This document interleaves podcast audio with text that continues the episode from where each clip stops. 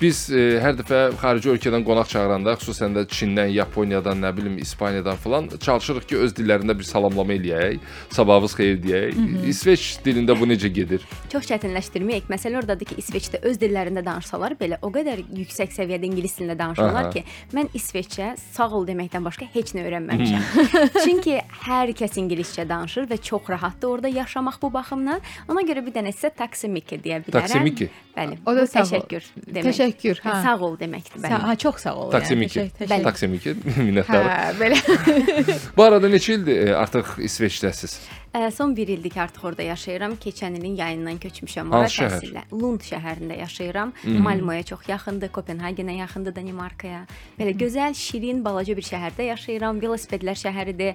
Avtomobillər çox azdır, çox rahatdır. Mən də aktiv şəkildə velosiped sürürəm orada. Belə çox maraqlı bir tələbə həyatım var. Allah, necə oldu ki, İsveç məs qərarına gəldin?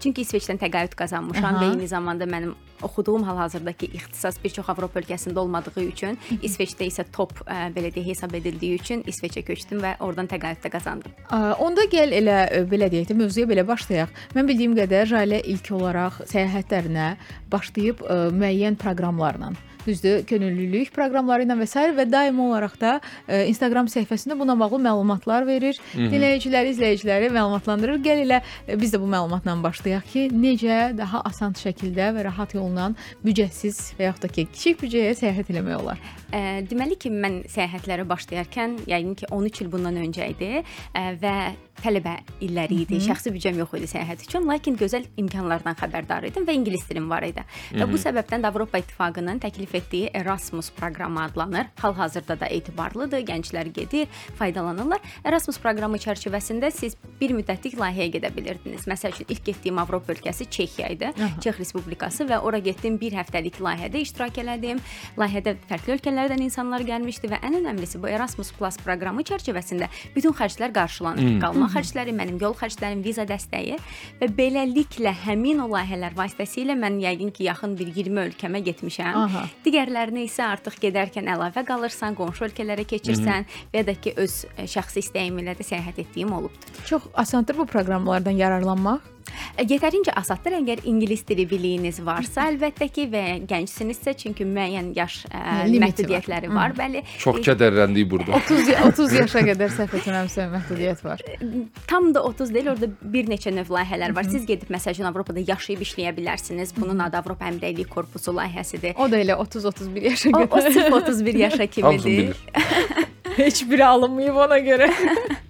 Bilirəm, Nərmin hər dəfə deyirdi ki, bir dənə də layihəyə mən gedim, təəssüf ki, Alınmadı. özü gəzdi dünyanı, amma heç biri Erasmusla olmadı. Baxma o qatarın arxasınca necə deyirlər. Ə, deməli İsveçdən ə, danışaq. Bu onsuz da getmək istəyən adam pulla, pulsuz fərq etməz. Onun bir yolunu tapacaq, gedəcək.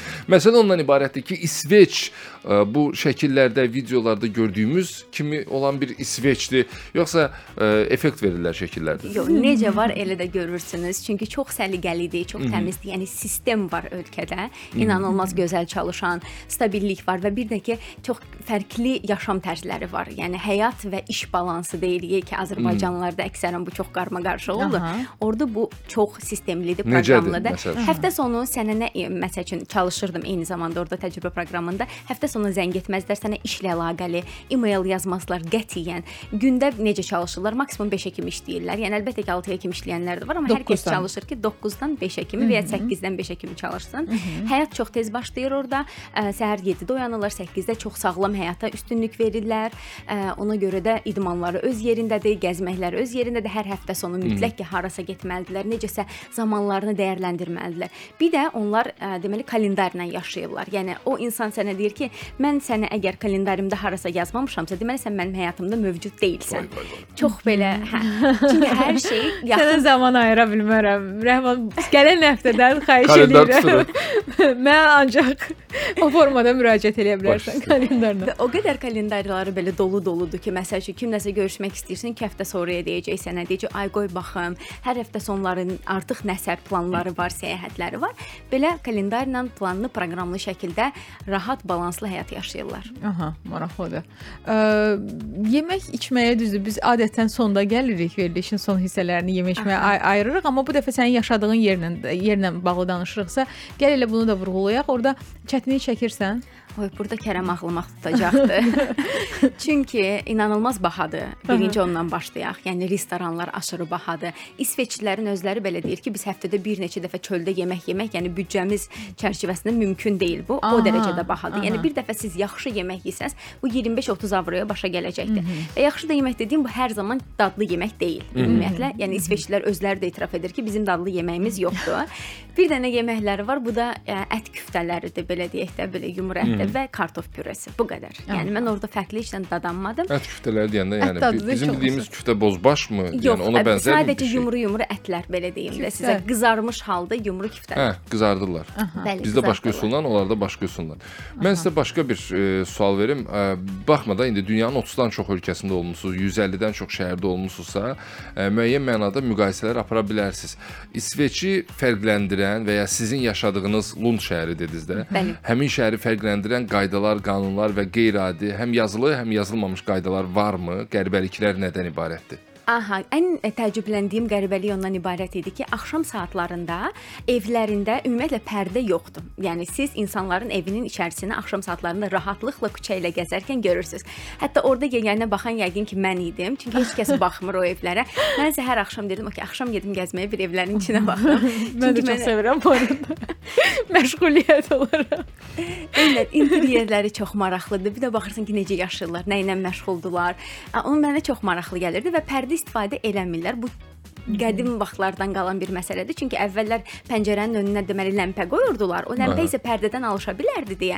Ona görə artıq pərdə istifadə etməməyə başlayıblar və bu da çox normal bir hala gəlib. Bizdəki kimi belə hər tərəfi bağlayaq birdən. Bir- Gəlin burada bizi qınamayaq da. Dünyanın hər yerində pərdə mövcuddur da. Yəni Bir yəni- Hollandiyada Evin məsəl yaraşığı üçün. Mən pərdə saxlamaq həmişə yaxşı Hollandiyada şeydir. Bu arada Amsterdamda da mən gəzəndə Hollandiyada e, da yoxdur. Aha, yoxdur, pərdələr yoxdur. Baxmaq olur rahat-rahat. Hollandiyada Yəni belə heç bir otağın pərdəsi yox. Mən mən dərdimə baxmaq olur rahat-rahat.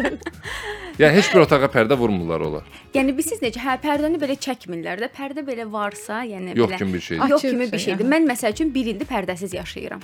Necə gözəldir. Necə gözəldir. Belə səhər gözünü açırsan, günəş görürsən, axşam günəşin batmağını görürsən, belə çox gözəldir.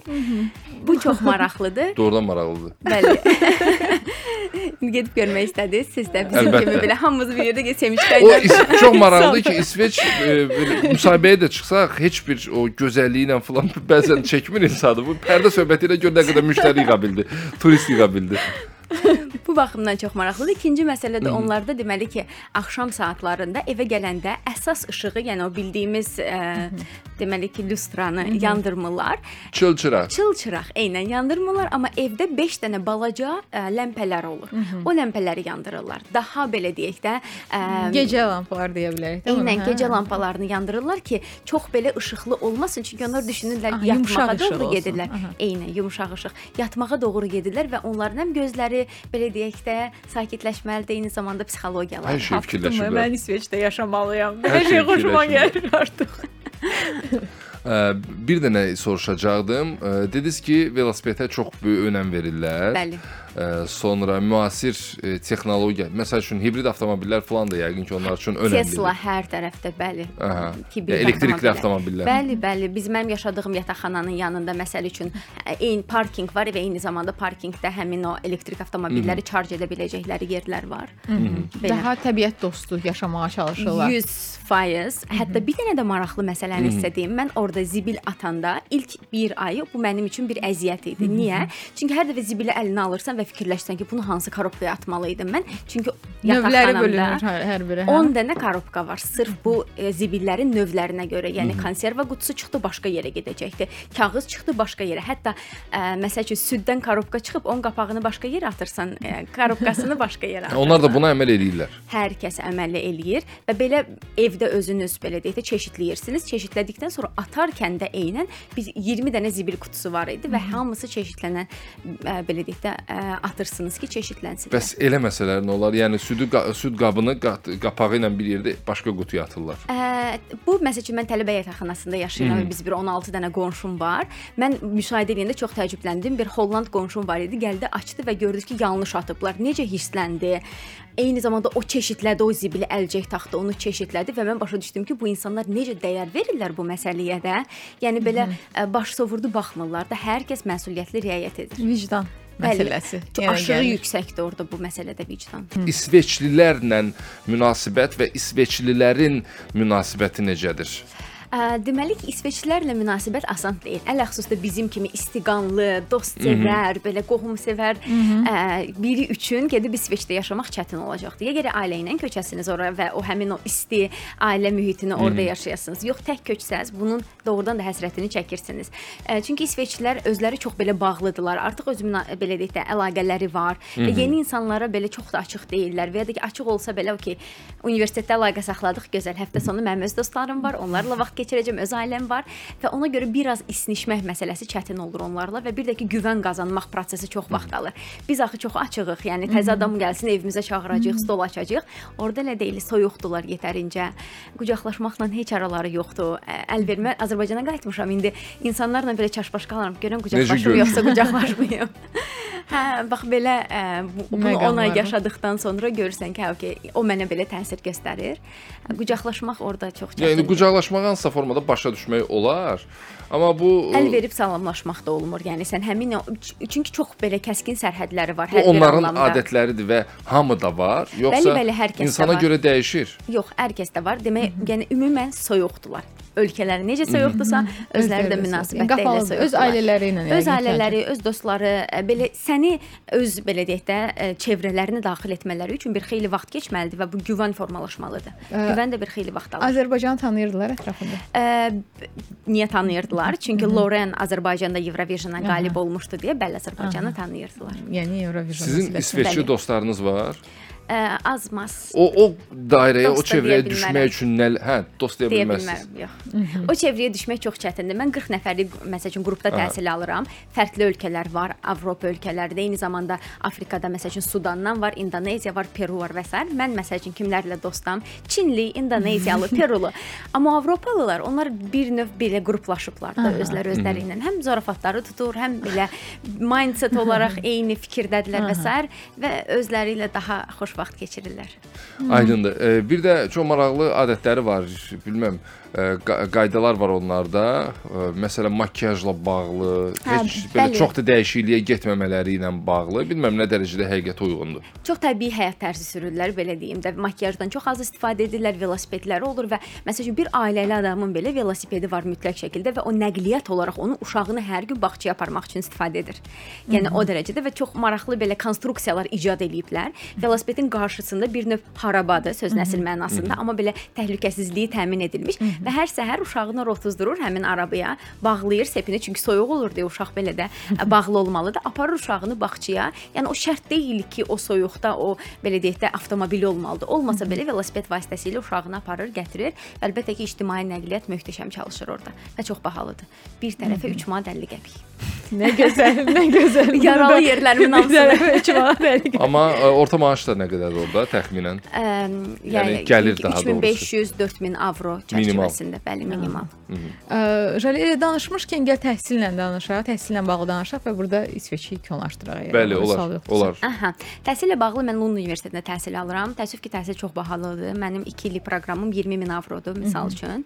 Və nə yaxşı ki, təqaüdüm var və bunu qarşılayır. Yaşam da bahalıdır. Yəni siz yataqxanada yaşırsınız. Yəni minimum əgər bizi dinləyib də xaricə getmək istəyirlərsə, ümumiyyətlə Avropada təhsil alarkən aylıq sizin xərciniz 800 min avro aralığında dəyişəcəkdir. Yəni bura daxildir yataqxana xərcləri, yaşam xərcləri, nəqliyyat və s.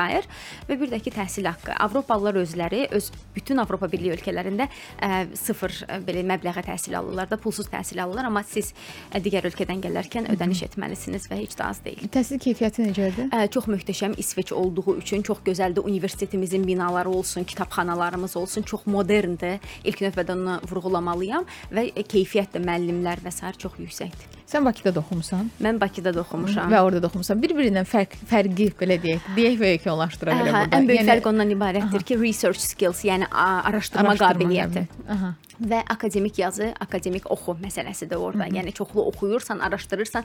Yəni Bakı Dövlət Oxumuşam. Sistem eynidir. Dərs Ə, sistemimiz. Yox, tamamilə fərqlidir. Tamamilə Tamamilə. fərqlidir. Mən məsəl üçün imtahan vermirdim. Mən sadəcə olaraq ə, kurs işi yazırdım. Amma bu Azərbaycandakı kurs işi deyil də sən oxuduğun kitablardan sən araşdırmalısan, əlavə məqalələr oxumalısan. Hər şeyə də ilk getmişəm. Məsəl üçün mən bilmirdim onu. Referans gətirməlisən və orada ə, yəni Mənbələri olmalı. Mənbələri olmalı, dəqiqliyinə, səhifəsinə kimi və s. bu kimi məsələlərdə çətinlik çəkdirik Əslində bizdə də bundan fərqli, çox böyük fərqli bir şey yoxdur. Məncə təxminən eyni bir şeydir. Yəni hazırki sistemdən söhbət gedirsə, yox. Hazırki gözəl məsələdir. Mən Azərbaycanda bir 10 il bundan əvvəl oxumuşdum deyə. mən neçə 7 il sonra təhsilə qayıtdım. Ona Ah, görə hə, bəli. Aydındır. Və salam, elə İsveçi burada yekunlaşdıraq. Ə, əsas görülməsi görüləsi şəhərlər hansılardır? Əl Stokholmdur, Malmodur və bir də ki təbiəti gözəldir. Dağ, dərə sevirlərsə, əlbəttə ki İsveç gözəl istiqamətdir. Bir də Kiruna şəhəri var. Orda ə, qış aylarında deməli ə, qütb işıqları görsənir Kiruna. və bəli Kiruna şəhərini çox Deməli- belə populyardır. Qütb işıqları üçün orada getmək olar. İsveçrə Bəli, normalda 3 şəhərdir. Yəni Laplandiyadır, Tromsodur, Kirunadır, İslandiyadır və belə. Aha. Sən bu yaxınlarda əgər İsveçi yekunlaşdırırsan, Norveç haqqında danışaq. Çünki dedin ki, Aha. Norveçdə olmusan, qışda olmusan, yoxsa? Qışda olmuşam Norveçi. Baxmayaraq ki, mən soyuq ölkələri heç sevmirəm, amma düşündüm ki, qütb işıqlarını gedib görmək lazımdır. Aha. Və o qədər şimalda yaşadığıma görə və Tromso şəhəri var. Avropanın ən qütb ən şimali Şimali, nöqtəsidir. Ə, və maraqlısı odur ki, biz qışda getmişik. Düşünün, saat deməli ki, günəş çıxır o ki 8-də, 9-da çıxdı. Saat 2 qapqaranlıq. Hər yer Aha. qaranlıqdır. Ə, yəni hava tez qaralırdı deyə. İsveçdə 3-4-də çəkirdi, amma Norveçdə 2 tamamilə zil qaranlıq idi. Bu çox maraqlı təcrübə idi mənə. Sonra orada ə, deməli ki, getdik ə, biz Wales ə, dilf yox, balinanı görməyə. Aha. Okra adlanır. Daha çox çox da böyük balina deyil, amma okralardır. Delfin ailəsindəndir. Belə ə, onu gördüm. Ondan sonra maralları gördüm. Maralları belə sığallayırsan, yedizdirirsən. O da çox Turistik maraqlı. yerdə o zaman belə Bəli, bəli, turistik yerdir. turistlər üçün. Laplandiyanın bir alternatividir. Turistikdə orada şaxta baba yoxdur, lakin maraqlı belə bir aktivitelər var ki, gedirsən maralları yedizdirirsən, onların fermasına gedirsən və s. Çoxmu soyuq olur qışda elə İsveçin özü? Aa, İsveç özü də çox soyuq olur. Mənfi 5, mənfi 3 belə. Ə, mən çox əziyyət çəkirdim bu baxımdan. Ə, Tromso ümumiyyətlə soyuq idi. Yəni ora məxsusi termo geyimlərlə getmək lazımdır. Aha. Jalə xanım neçə gün qaldınız Norveçdə? Norveçdə 5 gün. 5 gün ə, kifayət qədər müddətdir ki, belə də insanları ilə ünsiyyətdə olasan, nəzərə alsaq ki, həm də İsveçlə sərhəd ölkədir, həm Bəli. sərhəd ölkədir daha doğrusu. Onda onların da insanları, Norveçlilər də İsveçlilərə çox bənzəyirlər. Bəli, ümumiyyətlə o şimali ölkələr bir-birlərinə çox bənzəyirlər, hətta dilləri də bir-birlərinə bənzərdir. Onlar özləri özləri e, belə deyən danışanda anlayırlar. E, çox belə fərqli ölkə kimi gəlmədi Norveç mənə. Bir dənə məsələ üçün maraqlı məsələdir. İsveçdə elədi, amma o qədər qar yağmır. Yəni hər gün qar yağırdı, hər tərəf qardı, amma yollar o qədər tərtəmiz, o qədər rahat idi ki, heç kəs yəni avtomobil sürmə sarıdan əziyyət çəkmirdi. Mən e, bir sorğu ilə tanış olmuşdum bir, neçə müddət qabaq. E, deməli Norveç dünyanın ən sülhpərvər e, Ölkə. ölkəsidir Ölkəsidir. kimi belə bir nəticə almışdılar o sorğu aparanlar. Bir də e, insanın fərdi inkişafına görə ən çox e, inkişaf edən ölkələrdən biridir və ya birincisidir e, Norveç. Bunu e, Norveçi gəzərkən hiss eləmək mümkündür yoxsa yox? Um, turistik gəzərkən belə bir imkanım olmadığı üçün İsveçdən desək, çünki zaten o şimali ölkələr çox fərdi inkişafa üstünlük verən ölkələrdir. Bəli, bunu müşahidə edirsən ki, yəni insanlar öz üzərində mütəmadi şəkildə çalışır. Onlar öz üzərində çalışmağı necə başa düşürlər?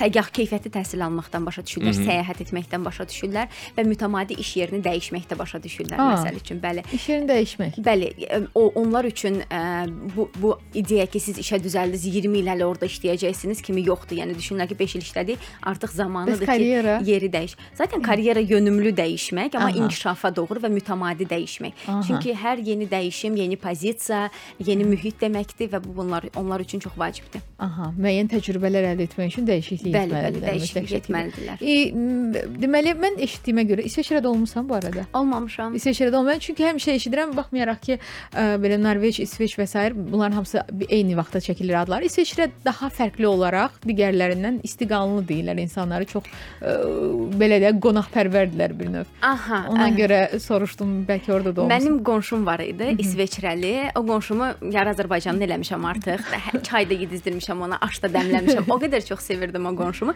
Çünki yeganə tanıdığım mehriban Avropalı idi.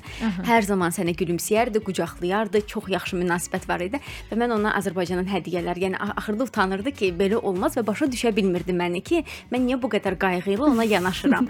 və cəmi 19 yaşı var idi Luka ə, və ilk başda çox təəccüblənirdi belə ki, niyə mən ona bu qədər yaxşı davranıram da. Sonra mən ona başladım Azərbaycandan danışmağa, mədəniyyətimizdən danışmağa. Sonra başa düşdü ki, hə, elə belə deyil. Yəni heç bir marağım başqa maraqlarım yoxdur.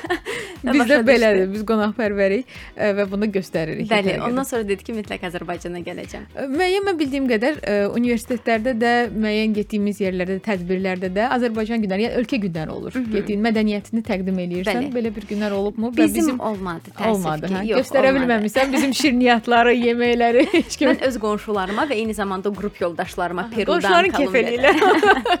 hamını çayla bəsləyirdim orada. Bəli, dəmlənmiş qəşəng çayla. Əla. Bu arada ə, Norveç və İsveç eyni coğrafi mövqedə yerləşir, amma ə, fərqlidirlər deyə bilərikmi? E, və iki ölkəni bir-birindən bu xəritə üzərindən sərhədlər ayırmır, ayırır, yoxsa ümumiyyətlə ə, tamam başqa-başqa ə, Fərqli hiss ölkələrdir eləyirsən yəni və tamam fərqli hiss eləyə bilirsən özünü Ə, o, nə o mövqedə. Yox, ə, nə infrastruktur baxımından, yəni görüntü binalar olsun və s. yəni bir də mən bir tək Tromsoya getmişdim. Aha. Ə, amma yenə də ümumiyyətlə o ölkələr, Skandinaviya ölkələri də adlanır, bir-birlərindən çox da fərqlənmirlər. Yəni üslub olaraq eynidirlər, sistem olaraq eynidir. Yenə möhtəşəm ə, bu nəqliyyat sistemi olsun, zibil atma mədəniyyəti olsun və s.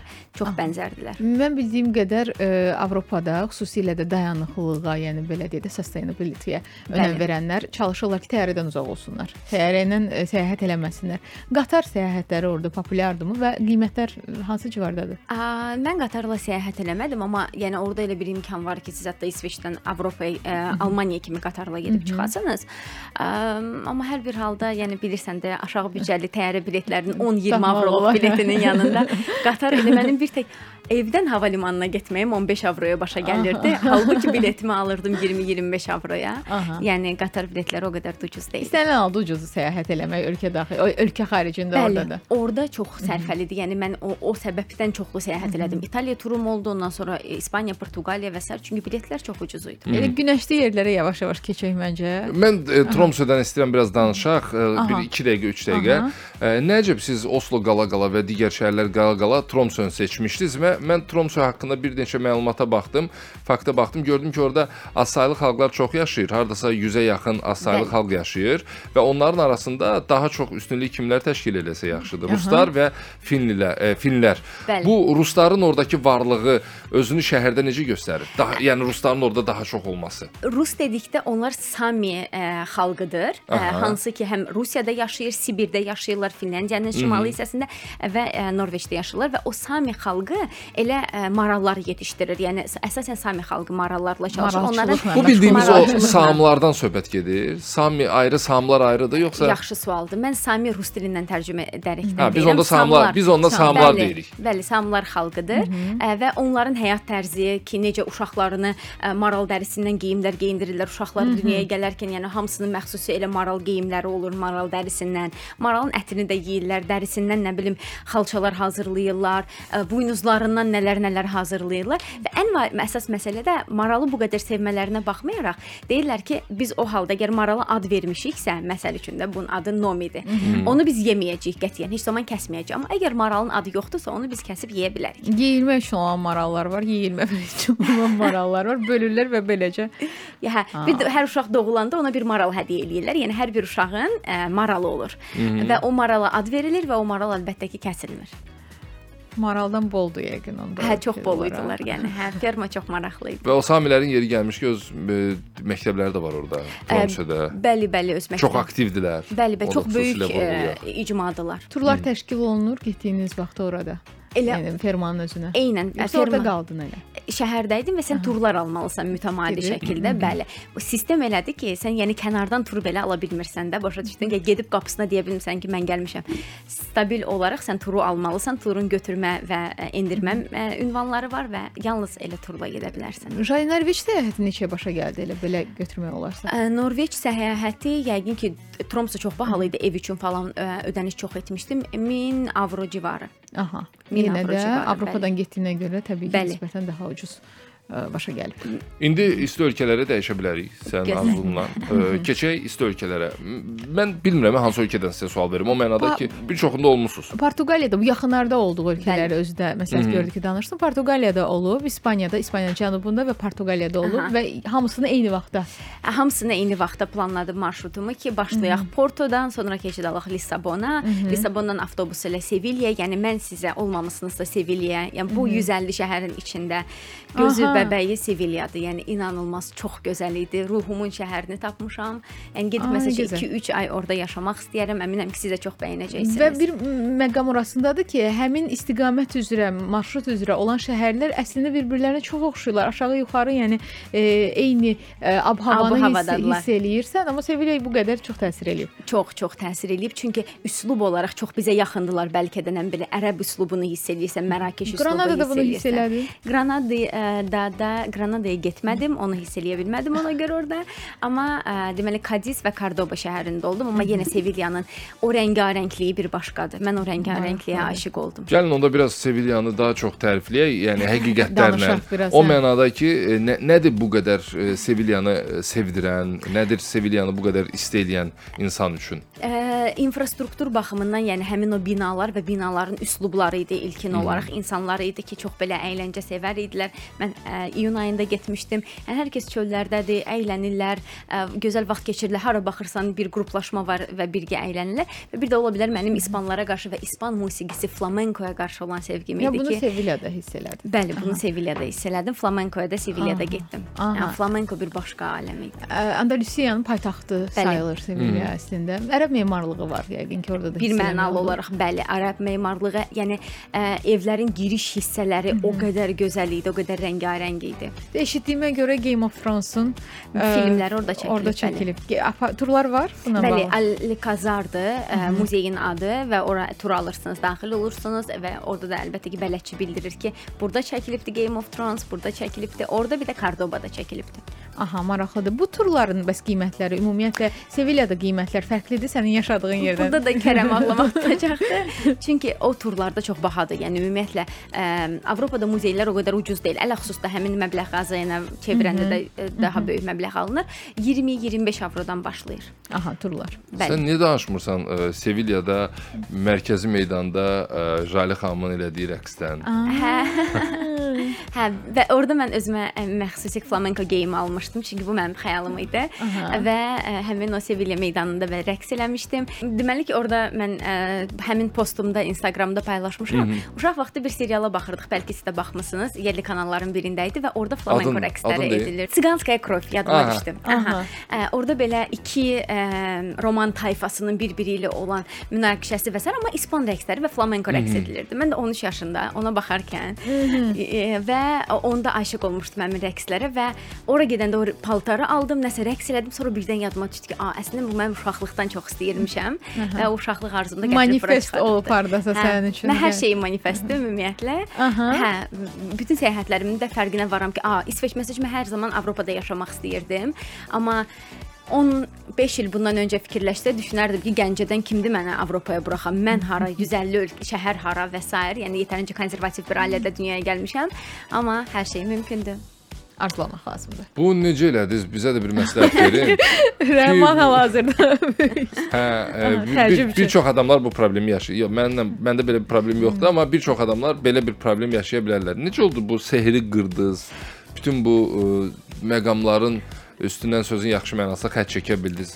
Burada gənclər bilirəm çox əziyyət çəkirlər, valideynlər biraz konservativ olur, narahat olurlar xaricə buraxmaq üçün və s. Burada vacib üç məsələ var da. Yəni birinci ondan ibarətdir ki, maddi asılılıq olmamalıdır valideynlərdən, yəni iqtisadi ə, özlərini təmin etməlidirlər. İkinci məsələ odur ki, özlərini valideynlərə təsdiqləməlidirlər, nailiyyətləri ilə və s. ki, valideyn görsün ki, doğrudan da qarşısında duraraq uşağın əsl uşağı geri salır. Ə, və üçüncü məsələ də əlbəttə ki, danışmaq, danışmaq və yenə də danışmaq lazımdır ki, valideynlərin düşüncə tərzini dəyişsinlər. Arzularına nə çəkməmək. Mütləq desək. bəli. Elə üçüncüdən başlayın, danışın ancaq. Sonra o ikinci, birinci də olacaq. Və ə, keçək Portuqaliyaya. Bəli. Ə, Porto və ya Lissabon hansı sizə daha uyğun, daha maraqlı, Mən daha fərqli idi? Lissabonu daha çox sevirəm. İkinci dəfə idi ki, Lissabona gedirdim. Biraz rəsmi deyil o şəhər. Rəsmi ə, Çünki çox Yoxsa- adam Portonu sevir. Mən həmişə Mən də oradan fikirləmişəm gələnlərlə- Porto siz nəsə belə məni Mən təəccübləndirdiniz. Mən Portonu siyahımda hər zaman var idi ki, aha sən getdin Lissabona, Portoya getmədin. Lakin indi bu səfər gedəndə fikirləşdim ki, yox, elə bilsəm Lissabonda daha çox qalardım. Lissabonda ən çox sevdiyim o baxış məntəqələrdir. Yəni o qədər ki, dağlıq ərazidədir. Bir tərəfdən çıxırsan, bir də görsən, a, bir mənzərə, gəzirsən, sonra o birisi mənzərə. Onu çox bəyənirəm, bəyənirəm Lissabonda. Ə, O da rəngarəngdir şəhər olaraq. Bir də Sintraya getmişdim, Lissabona yaxın Aha. yerləşir. O da belə nağıllar aləmi kimi idi, belə Kiçik şəhərcik kimi bir yerdir. kiçik şəhərcikdir yetərincə, amma yerimək lazımdır da. Yəni piyada yerimək istəsən bir 1 saat yarım yol qət edəcəksən dağlara qalxaraq. Ə, çünki mən getdiyim həmin o Pena Palace məsəl üçün dağın təpəsində yerləşir Ə, və mütləq ki, orada nəqliyyatdan istifadə etməli olursan. Yetərincə amma əslində böyükdür. Fikirləşirəm indi avtobus ilə 30 dəqiqə yol qət elədim. Aha. Piyada getsən 1 saat nə qədər. Sonra orada ə, sən gedirsən okeanın sahilinə, ə, orada getmək bir 2 saat vaxtını alır. Ona görə yetərincə böyükdür. Bu dediyin tura ə, neçə neçə şəhərdə olum, oldun məhz həmin turda? Ə, deməli ki, başlayaq Porto, Lissabon, Sevilya, Cadiz, Cordoba, Madrid. 6 6 şəhər. şəhərdə. Neçə günə? Ə, 10 günə. Ə, ümumi bir məbləğ çıxara bildin orada? Ə, çıxara bilərəm. Ümumi məbləğ ə, 800 avro civarı biletlər daxil olmaqla. Wow. Aha. 800 avroya 6 şəhər görmək. Bəli, bəli. Azdır. Əlbəttə azdır. Cəmaət 10 avro ilə bütün dünyaya gəlir. Yadından çıxıb deyirsən. Evet, oradan 800 avroya sən bütün Hə, bir də ki, normal otellərdə qalmaq şərti ilə 2 nəfərlik otaqlardan, çünki mənim başqa təcrübələrim də var, bir o 20 nəfərlik otaqda qalmaq kimi. yəni normal gəzmisən. Amma bu səfər bəli, neçə artıq gün neçə gün olmusan hər birində? Ə, demək olar ki, 2 gün, bəzilərində də 1 bir gün cəmi cümlə. Hardasa 12 günə yaxın 10 belə gün bir- çəkdi 10 bəli. gün çəkdi, Madriddə məsəl üçün gəzməyə imkanım olmadı. Madriddən artıq Artıq. belə bir neçə saat sonra qayıtdım. Yorucu olur hə belə səyahətlərdən qayıtmaq. Yorucu olur, hə, yetərincə yorucu Qısa olur. müddətli, hər şey görmək istəyirsən, çatdıra bilmirsən tam da. Hə, biraz yorucu olur. Gün uzandıqca fərqinə vardım ki, hə, yorulur insan. Səni Məncə də sən də bunu təsdiqləyə bilərsən. Eynən. Səni professional səyyah bir növ adlandıra bilərik. Mən istərdim ki, səyahət eləmək istəyənlərə bax belə tövsiyə verəsən. Hansı ki, səyahətə hazırlaşırlar, çox yer görmək istəyirlər, nəyi mütləq bilməlidirlər? Ə, Mütləq ə, aşağı büdcəli hava yollarını bilməlidirlər ki, Azərbaycandan ən ucuz ə, təyyarə biletləri hansı hava yolları ilə reallaşır və hansı istiqamətlər üzrə reallaşır. Birinci bunu aydınlaşdırmalıdılar. 2-3 ay öncədən mütləq şəkildə bilet almalıdılar. Hətta bizim yerli hava yollarına 1 il öncədən də bilet almaq olar. Yəni mən eləyirəm bunu. Ə, İkinci məsələ ə, qalmaq üçün yer məsələsi. Yəni şərt deyil ki, siz gedib, ha belə bu istəkdən asılı olan məsələdir. Əgər sərfəli səyahət etmək istəyirsinizsə, bu tövsiyələr sizin üçündür. İkinci məsələ bu hostel anlayışını bilməlidirlər. Airbnb-dən ev kirayə eləmək anlayışını bilməlidirlər ki, sərfəli, yəni gedib 5 ulduzlu oteldə qalmasınlar, amma yenə təmiz, səliqəli, lakin daha da aşağı büdcəli otelləri bron etsinlər özlərinə. Və üçüncü məsələdə hər şeyi öncədən planlamaq lazımdır. Yəni orada mən spontan çıxdım, hava limanından əşq edəcəm də oradan nəsə taksi tutacam falan olmur. Yəni taksi o qədər bahadır ki, Avropada taksi ümumiyyətlə bir ə, əlavə bir siz necə belə bir roskışdır ruslar demiş. Hmm, Bu alınmır. Ona görə öncədən planlamaq lazımdır ki, mən misal üçün mən cəmi 20 avroya Belçikaya gedəndə bilet almışdım özümə. Bruseldə çıxdım, başa düşdüm ki, elə mənim özümün şəhərin mərkəzinə getməyə bir də 25 avro pul ödəməliyəm bir avtobus biletinə. Bu mənim plansızlığımdan irəli gəlirdi. Çünki öncədən baxmamışdım. Eynisini Stokholmda yaşamışam. Deməli təyyarəmə bileti 10 avroya almışam. Polşaya gedirəm rəfiqəmin yanına. 40 avro verib mən avtobus, qatar dəyişib 2 saat yol qət edib gedib avtobus ə, deməli ki, hava limanına çatmışam. Niyə? Niyə? Öncədən özümə bilet almamışdım. Çünki əksərən hava limanları uzaqda olanda ki, aşağı büdcəli hava yolları əsasən gedir çox uzaqdakı bir hava limanına. O hava limanına zaten bir avtobus ə, xətti var mütləq şəkildə ki, dolur avtobus xətti. Sən Aha. yer tapamısan, sonra 40 avro ödəyirsən. Nə gözəl. İlk dəfə Avropa səyahəti həyata keçirdənlər dediyiniz o e, detallar nəzərə alınsın e, Bəli, həmin şəxs tərəfindən. Yerində düşəndən sonra hansı problemlərdən qarşı-qarşıya qala bilər? Yerində düşərkən nə problemi ola bilər? Ümumiyyətlə təhlükəsizlik baxımından deyə bilərəm ki, yetərincə təhlükəsizdir tək səyahət etmək və ya da ki, yəni bir xanımlar birgə səyahətlə etməsi üçün yetərincə təhlükəsizdir. Sadəcə ehtiyatlı olmaq lazımdır, necə Hər deyirlər, yəni. kimi. Hər yerdə olduğu kimi, bəli, ehtiyatlı gecə gəzintisi və sair baxımından, çətinlik dil baxımından, əgər ingilis dilləri zəifdirsə, məsəl üçün yol tapmaq, yol soruşmaq baxımından, bir də ki, bəzi ölkələr var ki, sən ingiliscə belə danışsan, məsəl üçün İspaniyada, yəni restoranda zorla sifariş verdim. Son dəfə ə, ilbiz yeyirdim və o məsəl üçün o ilbizi mənə sifariş verərkən elə bir təhər izah elədik, gətirdi. O yeyilməsini belə mənə doğru izah eləyə bilmədi. Çünki yalnız İspanca danışırdı, mən yalnız ingiliscə danışıram. Bir də belə dil çətinliyi olur. Almaniyada məsəl üçün çətin olur, Fransada çətin olur, əsasən də Fransanın cənubunda. Belə İngiliscə danışmırlar. ingilis dilində çox olur. danışmırlar. İndi yeməklərdən danışmışkən gəl yeməklərdən danışaq Sən ən, ən zəif nöqtən. Və sən bilirəm ki, getdiyin yerlərdə yerli yeməyi sevməyi, yeməyi çox sevirsən və istəyirsən ki, mütləq dadına baxarsan, bu barədə paylaşımlar eləyirsən. E, Çox maraqlıdır. Necə ürək eləyirsən ki, sən orada hər yerdə çünki fərqli-fərqli küçə yeməklərinin dadına Hə. baxmısan Jalə. Yəni hələm-hələm bir insan belə yeməklərin dadına baxa bilməz. Necə buna ürək eləyirsən? Yəqin ki, yetərincə cəsarətliyəm ona görə. Mədəm də çox sağ olsun. Çox belə üzü yolanır. Dəstəkləyirsən. Dəstəkləyir. O da yetərincə cəsarətli olduğu üçün özümə çox maraqlıdır. Yəni çünki düşünürəm ki, əgər bu xalq bunu yeyirsə, deməli ki, yeyilə bilən bir şeydir də, yəni. Yaxşı, indiyə qədər yediyin ən maraqlı yemək. Ən maraqlı bu son yediyim ilbizlər idi. Məsəl üçün çox belə fərqli idi. Özüm üçün belə, beynim üçün belə çox fərqli idi ki, ilbiz yeyirsən. Aha. Karakules adlanır. İspanlıların çox belə deyək də özlərinin mütəmadi yedikləri yeməkdir. Marketdə görürsən satılır, hər yerdə satılır. Bizim üçün çox dəhşətli idi və bu çox böyük maraqla qarşılandı Instagramda. Ə, o maraqlı idi mənim üçün. Başqa em, ustritsanı çox sevirəm, istiridiyeni aha. çox sevirəm. Ondan sonra a dəniz kirpisi yemişəm təzəlikcə. Hə dəniz belə qara dəniz kirpisi olur, e, bütün dikanlı dikanlı. Onun belə yemişəm. Sən canlı Canlı canlı, hamısı pişmiş halda. Amma canlı da nəsə Necə yemişsən kimi dadı? xatırlayıram, yox? Yox, dadı- hələ yox. Hələ yox. dadı necə idi onun? hansı bir e, deməli ki, dəniz kirpisinin dadı limonlu yeyirsən belə m, ikra yemiş kimi olursan, amma ikra dadlıdır da. Yəni o o qədər də Əsl dadlı deyil, amma yoxsa? delikatesdir, əsl ikra, bəli. Ə, ikinci Kürü. məsələ Kürü. kürü, bəli. İkinci məsələ isə ilbiz ə, toyuğun içalatı dadırdı. Yəni fərqli bir, bir də sousdaydı deyə onun fərqinə varmırsan. Bir də beynim axı fikirləşir ki, Jalə sən delikates yeyirsən, bunu millət yeyir. O, o da dadı dəyişir. o da dadı dəyişir. Şura təsir eləyirsən, təhtəl şura daha doğrusu. Jalə xanım, çox sağ olun. Əgər e, sualımız yoxdursa, mən Nərminə müraciət Mən edirəm burada. düşünürəm ki, danışsaq hələ bir, Uza- bir saata burada söhbət. olacağıq. Təşəkkür edirik. Çox Mən xoş. Səni burada tapmaq xoşdur ki, tapıb ə, dəvət eləyə bildik. Çox sağ ol ki, sən də öz məsləhətlərini bizlə dinləyicilərlə bölüşə bildin.